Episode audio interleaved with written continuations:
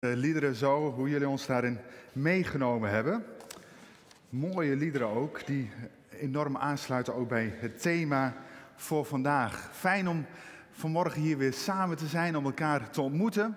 Maar ook thuis natuurlijk, fijn dat je meekijkt. Of zoals Arjan al zei, misschien ook later deze week ook deze dienst terugkijkt. Het thema voor vandaag is de geest ook voor jou. En daar wil ik met jullie naar gaan kijken van, hé, wat, wat houdt dat in? De Heilige Geest ook in, op jou. Uh, en dat wil ik eigenlijk doen aan de hand van het tekstgedeelte uit Handelingen 2. Een bekend gedeelte, uh, een paar weken geleden ook wel besproken, uh, behandeld met elkaar tijdens Pinksteren. Het is echt een, een typisch Pinkstergedeelte. Handelingen 2 vanaf vers 37. En ik lees uit de herziene statenvertaling.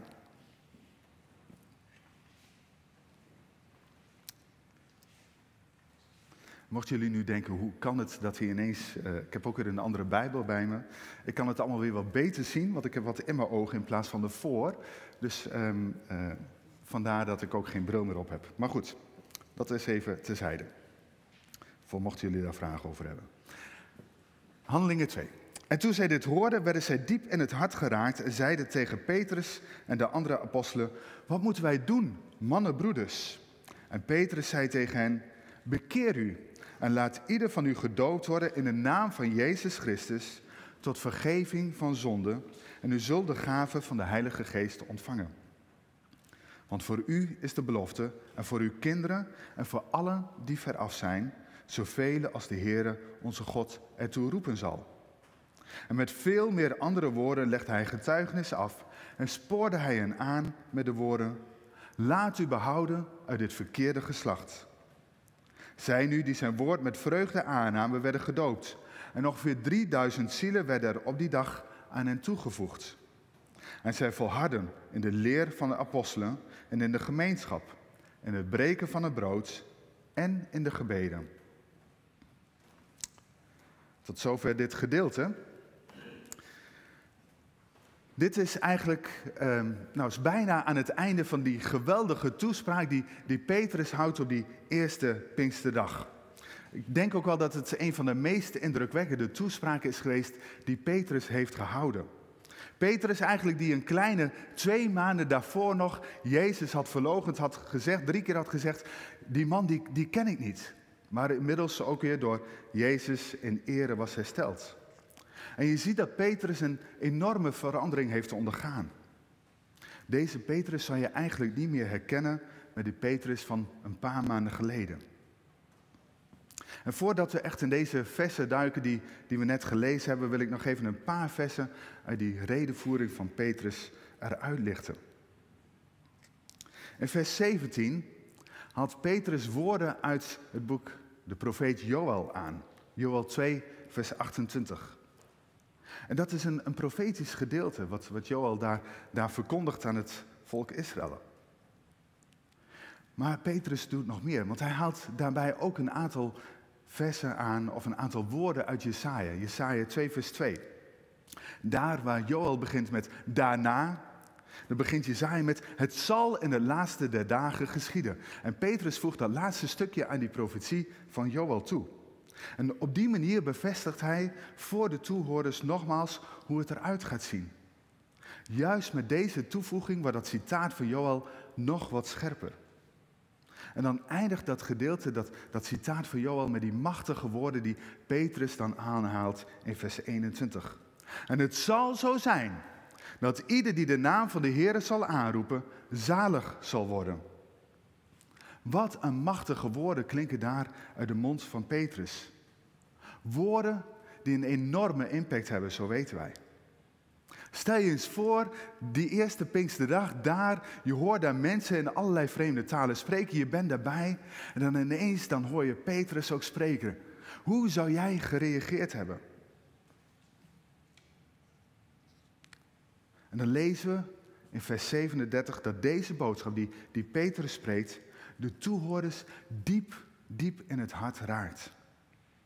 Dan kun je soms zo hebben dat je een preek hoort of, of iets anders. eh, eh, tegenwoordig is het heel erg in om naar podcasts te luisteren. En dan hoor je dat en dan, dan kan het je ineens zo raken wat je daar hoort. Dan weet je, daar moet ik wat mee. Je kunt er eigenlijk niet meer voor weglopen. Maar dan is het nog niet altijd helder wat je daar precies mee moet gaan doen. Hoe moet je dan gaan handelen? En dat, dat gold eigenlijk ook voor de mensen in Jeruzalem. Zij waren geraakt, zij wisten, we moeten hiermee, maar wat eigenlijk? Wat moeten we daarmee? Ze wilden er een gevolg aan geven, maar wisten niet precies hoe. Maar Petrus, Petrus weet het wel. En, en Petrus, hij zou Petrus ook niet zijn, hij heeft direct een pasklare antwoord. En hij zegt dan heel duidelijk wat ze moeten doen. En eigenlijk, als je het zo beluistert, dan, dan denk je, ja, dat klinkt eigenlijk wel heel simpel. Maar hij benoemt drie belangrijke elementen in zijn antwoord. De eerste is bekering. De tweede is doop. En de derde is vervulling met de Heilige Geest. En, Petrus, hij noemt ze eigenlijk in één adem. Alsof het onlosmakelijk met elkaar verbonden is. Dat hoort gewoon bij elkaar. Nou, ik wil ze alle drie even bij langs gaan. Het bekeer u, dat staat daar in de gebieden de wijs. Het is niet van, nou, stel dat je dat wilt, hè, misschien, nou, kijk maar wat je leuk vindt of zo. Nee, bekering, bekering is iets wat moet gebeuren. Het is een opdracht waar je gehoor aan moet geven. Bekering is, is dan ook een beslissing. Bekering overkomt je niet, je kiest ervoor. Bekering betekent dat je verandert van gedachten, dat je verandert van geloofsovertuiging, dat je verandert van mentaliteit. Bekering betekent ook dat je moet breken met de zonde. Dat je moet bekeren van, van dode werken. Dat, dat betekent eigenlijk dat je niet meer bezig moet zijn met dingen die er eigenlijk gewoon niet toe doen. Die helemaal niet belangrijk zijn en die je van God afhouden. De Bijbel zegt ook, een loon op de zonde is de dood. Dus vandaar die dode werken. Bekering betekent ook dat je moet breken met afgoden. En vroeger, als je de Bijbel leest, dan afgoden waren vaak afbeeldingen, beelden die, die gemaakt werden. Maar ik denk, wij kunnen allemaal wel onze afgoden ook bedenken in ons leven. Maar daar moeten we mee breken. Bekering betekent dat je je richt tot God, tot geloof in Jezus Christus. En het mooie van die bekering is dat het een, een tweerichtingsverkeer is. Het is nooit maar vanuit één kant. Nee, bekering is de opdracht aan de mens. Dus jij, ik, wij, wij moeten daar gehoor aan geven. Je kiest ervoor. Maar God, God kiest er dan voor om jou te vergeven van je zonde. Zo genadig is God. Nou, even een voorbeeld uit mijn eigen leven over, over bekering. Ik ben uh, christelijk opgevoed door mijn ouders, ben ik zo ontzettend dankbaar voor. Uh, maar er is ook een tijd geweest dat ik daar gewoon wat minder mee deed. Ik was daar niet zo mee bezig. En uh, ik hield wel van feestjes vroeger. En ehm, ik hield er ook wel van om op feestjes moppen te vertellen. En dan het liefst een beetje schuin. En het liefst had ik dan ook zoveel mogelijk toehoorders. Hè? Dan, uh, ja, dat, dat vond ik gewoon leuk, daar genoot ik van. Maar vanaf het moment van mijn bekering, en weet je, dit is mijn oude leven, ik durf dat nu te delen, uh, dat ligt allemaal ver achter mij. Maar vanaf het moment van mijn bekering ben ik daar radicaal mee gestopt. Ik wilde het ook niet meer. Ik dacht, dit, dit kan niet. Dit is gewoon niet meer zoals het moet zijn. Ik wilde juist leven zoals God het wilde. En voor sommigen werd ik misschien een beetje saai, dat kan. Maar voor mij was dit. Ik heb meerdere goede beslissingen uh, gemaakt in mijn leven. Eentje zit hier. Hè, maar, uh, de, dit was de beste beslissing ooit. Kiezen voor Jezus. Een betere beslissing in je leven kun je niet maken dan die beslissing. Dus bekering. Bekering is ontzettend belangrijk. Het tweede, wat Petrus zegt, is de doop. De doop. Voor ons baptisten natuurlijk iets fantastisch. Wij houden van de doop. Amen? Amen. We, we, zitten hier toch al inmiddels met een grote groep. Hè? Dan mag dat amen ook al wat harder klinken, vind ik hoor. Ja, wij houden van de doop. Absoluut. Doop op de naam van Jezus tot vergeving van zonden. Maar deze doop, die kan niet plaatsvinden zonder dat de bekering aan vooraf is gegaan en een getuigenis is gegeven over je geloof in Jezus Christus. En dat getuigenis geven, dat vinden we altijd een beetje spannend. Want dan, dan, denken we, oh, we moeten onze hele uh, doopzee lichten, we moeten van alles gaan vertellen. Nee, dat is helemaal niet nodig. Als je zegt, ik, ik hou van Jezus, ik wil hem volgen, ik wil, ik wil ja, bij hem horen, is voldoende. Het is voldoende om je op te laten dopen. We hebben weer een introkring. En onlangs spraken we met elkaar in de introkring ook over de doop. Hoe hebben we dat ervaren? wat, wat, wat betekent de doop voor ons? En er werden hele mooie woorden aangegeven. Woorden als vreugde, vreugde ervaren. Het, het ontvangen van nieuw leven, bevrijding. Nou goed, als je een doopdienst meemaakt, dan, dan zie je dat vaak ook gewoon voor je ogen gebeuren. Hè? De vreugde die mensen ervaren wanneer ze die stap hebben genomen. De blijdschap die van hun gezichten afstraalt, dat is zo fantastisch. Aanstekelijk haast. Hè? Je zou bijna zeggen, ik wil nog een keer. Amen. Amen. Ah, kijk, ja. Het besef ook dat je mag starten in een nieuw leven. Dat je schoongewassen bent. Dat je alles van je oude leven achter je gelaten hebt in het watergraf. Wat een bevrijding. Fantastisch. Als jij ook het verlangen hebt om je te laten dopen, dan zou ik zeggen, wacht dan ook niet langer. Zoals we ook in vers 41 lezen, zij nu die zijn woord met, met vreugde aannamen, zij werden gedoopt. Ook jij mag vandaag dit woord met vreugde aannemen. En je op grond daarvan laten dopen. En ik zou zeggen, als je dat wilt, laat het dan ook weten. Er zijn hier een aantal raadsleden, maar ook via de website kun je ons gewoon bereiken. En, laat het weten als je gedoopt wilt worden. En dan, we hebben het gehad over bekering, doop. Dan benoemt Petrus dat derde element. Vervulling met de Heilige Geest. Je zult de gave van de Heilige Geest ontvangen. En dan zou je kunnen afvragen, ja, maar hoe zit dat nu eigenlijk met de Heilige Geest? Ontvang je de Heilige Geest nu eh, na je doop of ontvang je de Heilige Geest eigenlijk al eerder? Nou, dan is het denk ik goed om met elkaar te kijken van wat zegt Jezus hier eigenlijk van? Ik wil een paar versen daarover lezen. Vlak voor zijn sterven vertelde Jezus zijn discipelen dat hij nog maar een, een, korte tijd bij hen zou zijn en terug zou gaan naar zijn Vader in de hemel. Dat kunnen we lezen in Johannes 13, vers 33. En hij legde uit dat hij terug zou komen in de vorm van iemand anders die net zoveel van hen zou houden en die bovendien niet alleen bij hen zou zijn, maar bovenal in hen zou wonen. Kunnen we lezen Johannes 14. Daar staat, ik zal de Vader bidden en hij zal u een andere trooster geven, opdat hij bij u blijft tot een eeuwigheid. Namelijk de geest van de waarheid, die de wereld niet kan ontvangen, want zij ziet hem niet en kent hem niet. Maar jullie kennen hem, want hij, want hij blijft bij jullie en zal in jullie zijn. En dan lezen we verder in uh, Johannes 14, vers 18, uh, wat, wat Jezus belooft aan zijn leerlingen, dat hij hen niet aan hun lot zal overlaten. Daar staat, ik zal jullie niet als, als wezen achterlaten, ik kom weer naar jullie toe. Vers 23, wij zullen naar jullie toe komen en bij jullie intrek nemen. Jezus en ook zijn apostelen leerden dat de Heilige Geest zowel in als op een ieder wil komen die Jezus wil volgen en, uh, en verkondigen.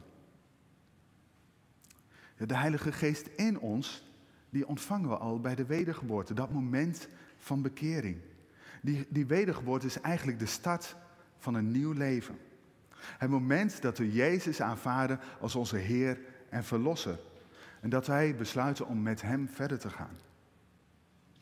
De Heilige Geest op ons, die ontvangen we, dat noemen we wel eens, bij de doop in de Heilige Geest. En Petrus haalde Joel 2 al aan in zijn preek op die eerste Pinksterdag. En daar klinkt de belofte dat God zijn Heilige Geest zal uitstorten op alle vlees.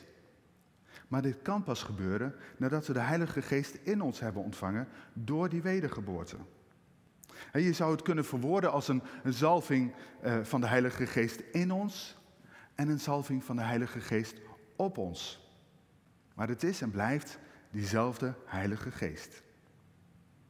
Wanneer we de Heilige Geest ontvangen bij onze bekering, dan getuigt de Heilige Geest met onze geest dat we kinderen van God zijn. Mooi, dan worden we op die manier krijgen we de bevestiging dat we bij Jezus horen, dat we kinderen van God zijn.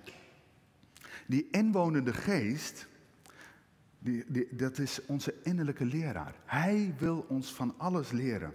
Hij wil ons leren eh, wat waarheid is. Hij is ook de geest van waarheid. Hij spreekt tot ons. Hij leert ons. Hij wijst ons de weg naar die volle waarheid. En die volle waarheid is Jezus Christus. Door een intieme relatie met die inwonende geest van God zal de vrucht van de geest ook in ons groeien. Nou, de vrucht van de geest staat in Galaten 5, vers 22. En hij leert ons hoe wij de gaven van de geest kunnen gebruiken. In 1 Korinthe 12 wordt gesproken over de negen gaven van de geest. De Heilige Geest in ons leert ons hoe we zullen bidden, hoe we zieken genezen, hoe we demonen uitdrijven en mensen tot herstel mogen brengen. Dat doet de Heilige Geest in ons. En de Heilige Geest op ons, dat is een gemanifesteerde kracht die door ons heen werkt. En die ons in staat stelt om te doen wat Jezus deed. Het bijzondere is, we zien dat van, van de buitenkant niet zozeer. Het is eigenlijk net als de wind. De wind zie je niet. Vandaag, toen ik hier naartoe ging, het was nagenoeg windstil. En dan, dan zie je ook niet zo heel veel gebeuren. Maar gisteren, ik weet niet of jullie het ervaren hebben, maar gisteren ging het af en toe even flink waaien. Maar ook dat zie je niet. Je ziet niet dat het waait. Ja, je ziet de wind niet, maar je ziet wel dat het waait. Want je ziet bijvoorbeeld de bomen allemaal heen en weer gaan. Bij ons klapten een paar keer deuren gewoon keihard dicht. Allemaal effecten van die wind. Maar net zo min als wij de wind kunnen zien, kunnen we ook de Heilige, Heilige Geest van God niet op die manier zien. Maar we kunnen wel de resultaten zien. Want we kunnen zien dat mensen worden gered, dat mensen worden genezen, dat ze worden bevrijd, verlost. Dat is gaaf om te zien. Dat is zo bijzonder. Nou, de Heilige Geest op ons, die, die, die ontvangen we ook met een doel. Dat we kracht ontvangen om te dienen. En dat kunnen we op veel verschillende manieren doen. Maar we hebben die kracht van de Heilige Geest nodig om Jezus te dienen. Ook dat we kracht krijgen om te getuigen. En getuigen vinden we soms best wel spannend. Ik moet eerlijk zeggen, de aanmeldingen om met Bakkie Plus op stap te gaan, die lopen storm. Hij is natuurlijk een beetje cynisch, maar um, weet je, dat vinden we gewoon spannend. In ieder geval, zo vertaal ik dat vaak. Ik zelf vind ik het ook wel een beetje spannend. Hoe zal het zijn? Wat voor gesprekken ga je krijgen? Maar wanneer je dat doet in de kracht van de Heilige Geest, dan hoef je helemaal nergens bang voor te zijn. Want Hij zal jou de woorden geven die je mag spreken. Hoe gaaf is dat? Dus je gaat daar gewoon staan. Je pakt bijvoorbeeld die fiets mee. Die fiets hoeft niet per se, maar je kunt het ook op andere manieren doen. Maar je gaat erop uit en, en je vertrouwt erop dat de Heilige Geest jou de woorden geeft die je mag spreken. Of dat je met mensen mag bidden. Maar het is een kwestie van uitstappen. En als jij Jezus wil volgen, dan wil Hij je daarin ook bevestigen en helpen. De Heilige Geest op ons is tot doel dat we kracht ontvangen om te genezen. Om die gaven van de Geest uit te oefenen, zoals die staan beschreven in 1 Corinthië 12.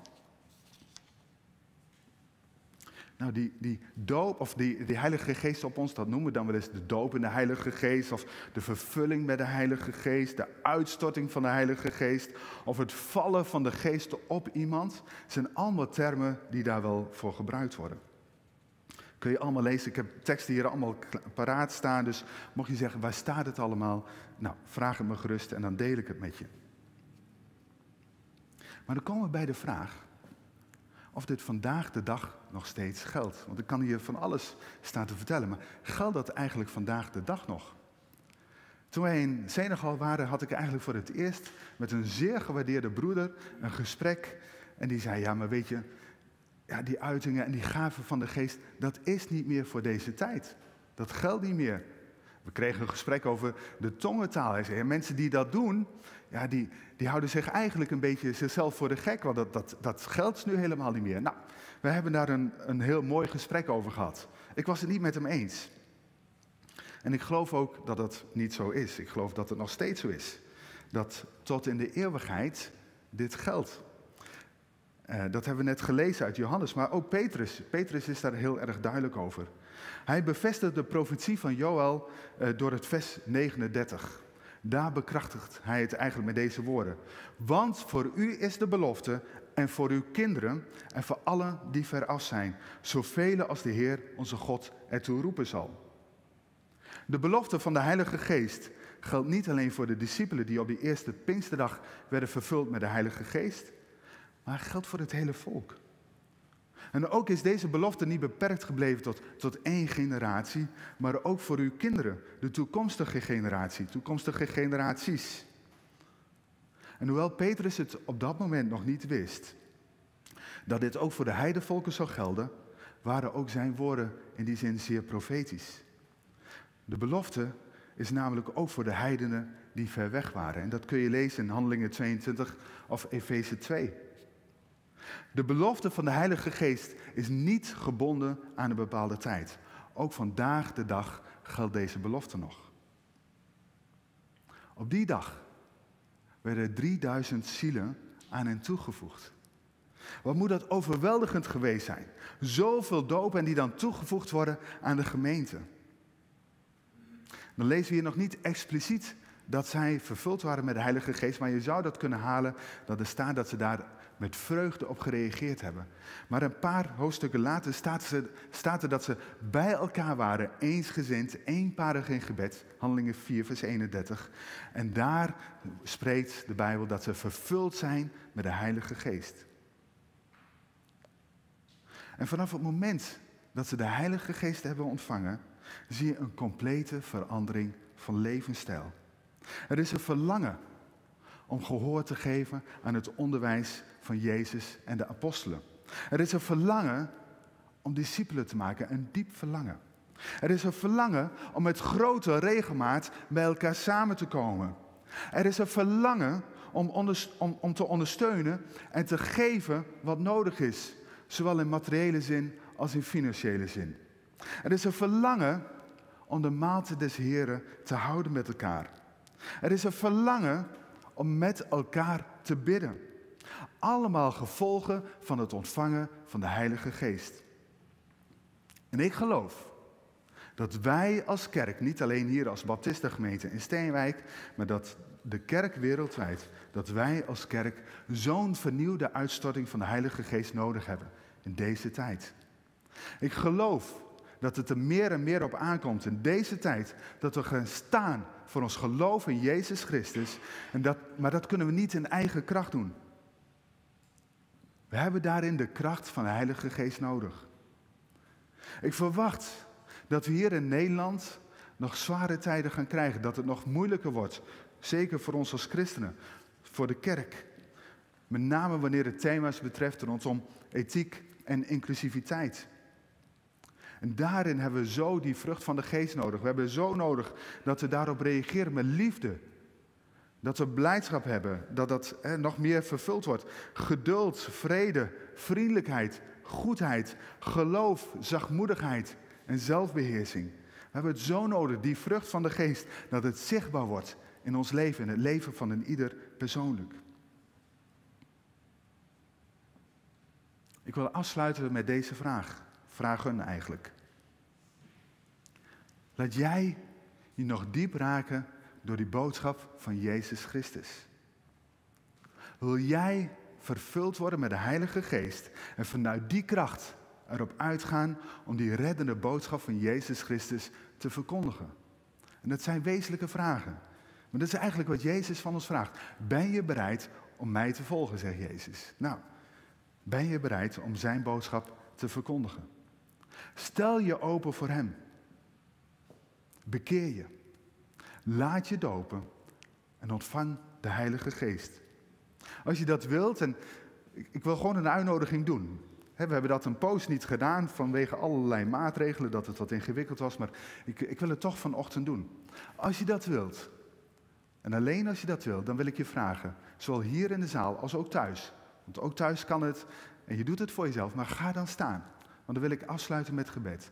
Als je zegt, ja, ik ben bereid om Jezus in alles te volgen en dan ook te doen wat Hij van ons vraagt, wil ik je vragen, ga staan. En dat is niet een, een, een lichtzinnige uh, iets hè, waar je dan op gaat reageren, maar dan ga ik voor je bidden. Vandaar ook nu de uitnodiging, als je zegt, dat wil ik, mag je gaan staan, mag je ook thuis gaan staan. En dan ga ik afsluiten met gebed en voor je bidden.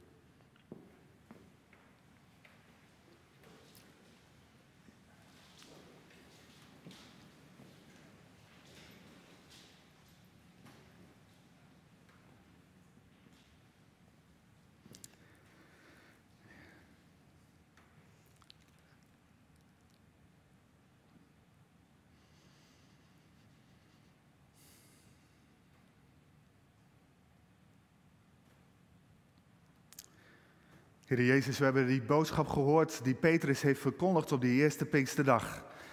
En dat het volk reageerde, ja, man en broeders, wat moeten wij doen? En dat Petrus zei, bekeer je, laat je dopen en ontvang de Heilige Geest. Drie krachtige elementen die passen, horen in het christenleven. En Heer, hier zijn wij. Hier staan we of thuis staan we. En daarmee zeggen we, Heer Jezus, ik wil u volgen. Ik wil u dienen, ik wil gehoorzaam zijn aan uw boodschap. Ik wil gehoorzaam zijn aan uw opdracht, zoals die staat opgetekend in Matthäus 28, om, om discipelen te maken, om mensen te dopen, om te bidden voor mensen, om zieken de handen op te leggen. Noem maar op. Ik wil het doen. Heer, ik dank u wel dat, ja, dat u gehoor vindt in de harten van mensen. En ik dank u wel, Heer, dat u harten aanraakt. Dat u met uw Heilige Geest in ons komt op het moment dat we ons bekeren. Dat we zeggen, Heer Jezus, hier ben ik. Ik, ik neem u aan als Heer en Verlosser. En ik dank u wel dat u uw geest op ons uitstort. En dat we vervuld van uw geest op weg mogen gaan om mensen te bereiken. Vader, ik dank u wel dat, dat er zoveel zijn die bereid zijn om, om op die manier ja, invulling te geven aan hun leven waarin u op de eerste plek komt. En Heer, ik wil zo bidden voor een ieder, waar we ook zijn, waar we nu ook staan. Misschien ook wel later deze week, als we gaan staan op deze boodschap.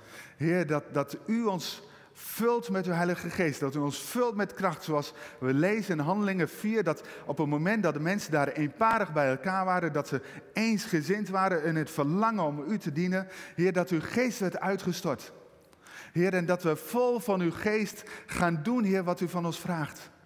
Heer, wilt u ons maar bevestigen daar, continu in. Wilt u ons leiden. Heer, wilt u ons aansporen, aanmoedigen. En op momenten dat het spannend wordt, Heer, dat we niet angstig zullen zijn, maar dat we vertrouwen dat u ons de woorden geeft. Vader God, dank u wel dat u dat doet. Heer, u bent zo groot, u bent zo krachtig, u bent machtig. U bent er altijd bij. U weet ook wat we nodig hebben. U weet wat bij ons past. U zult ons geen dingen laten doen die niet bij ons passen of die, die niet, uh, uh, waar we ontzettend veel moeite mee hebben. Heer, maar u gebruikt de gaven en talenten die u al in ons hebt gelegd. En daar dank ik u voor. Heer, wilt u zo in ieder van ons zegenen? Wilt u ons leiden? Dank u wel dat we dat zo mogen vragen in uw naam, Jezus. Amen. We gaan een heel mooi lied ook hierop, ik wil altijd zeggen zingen, misschien in je hart. Vader, stort uw geest uit.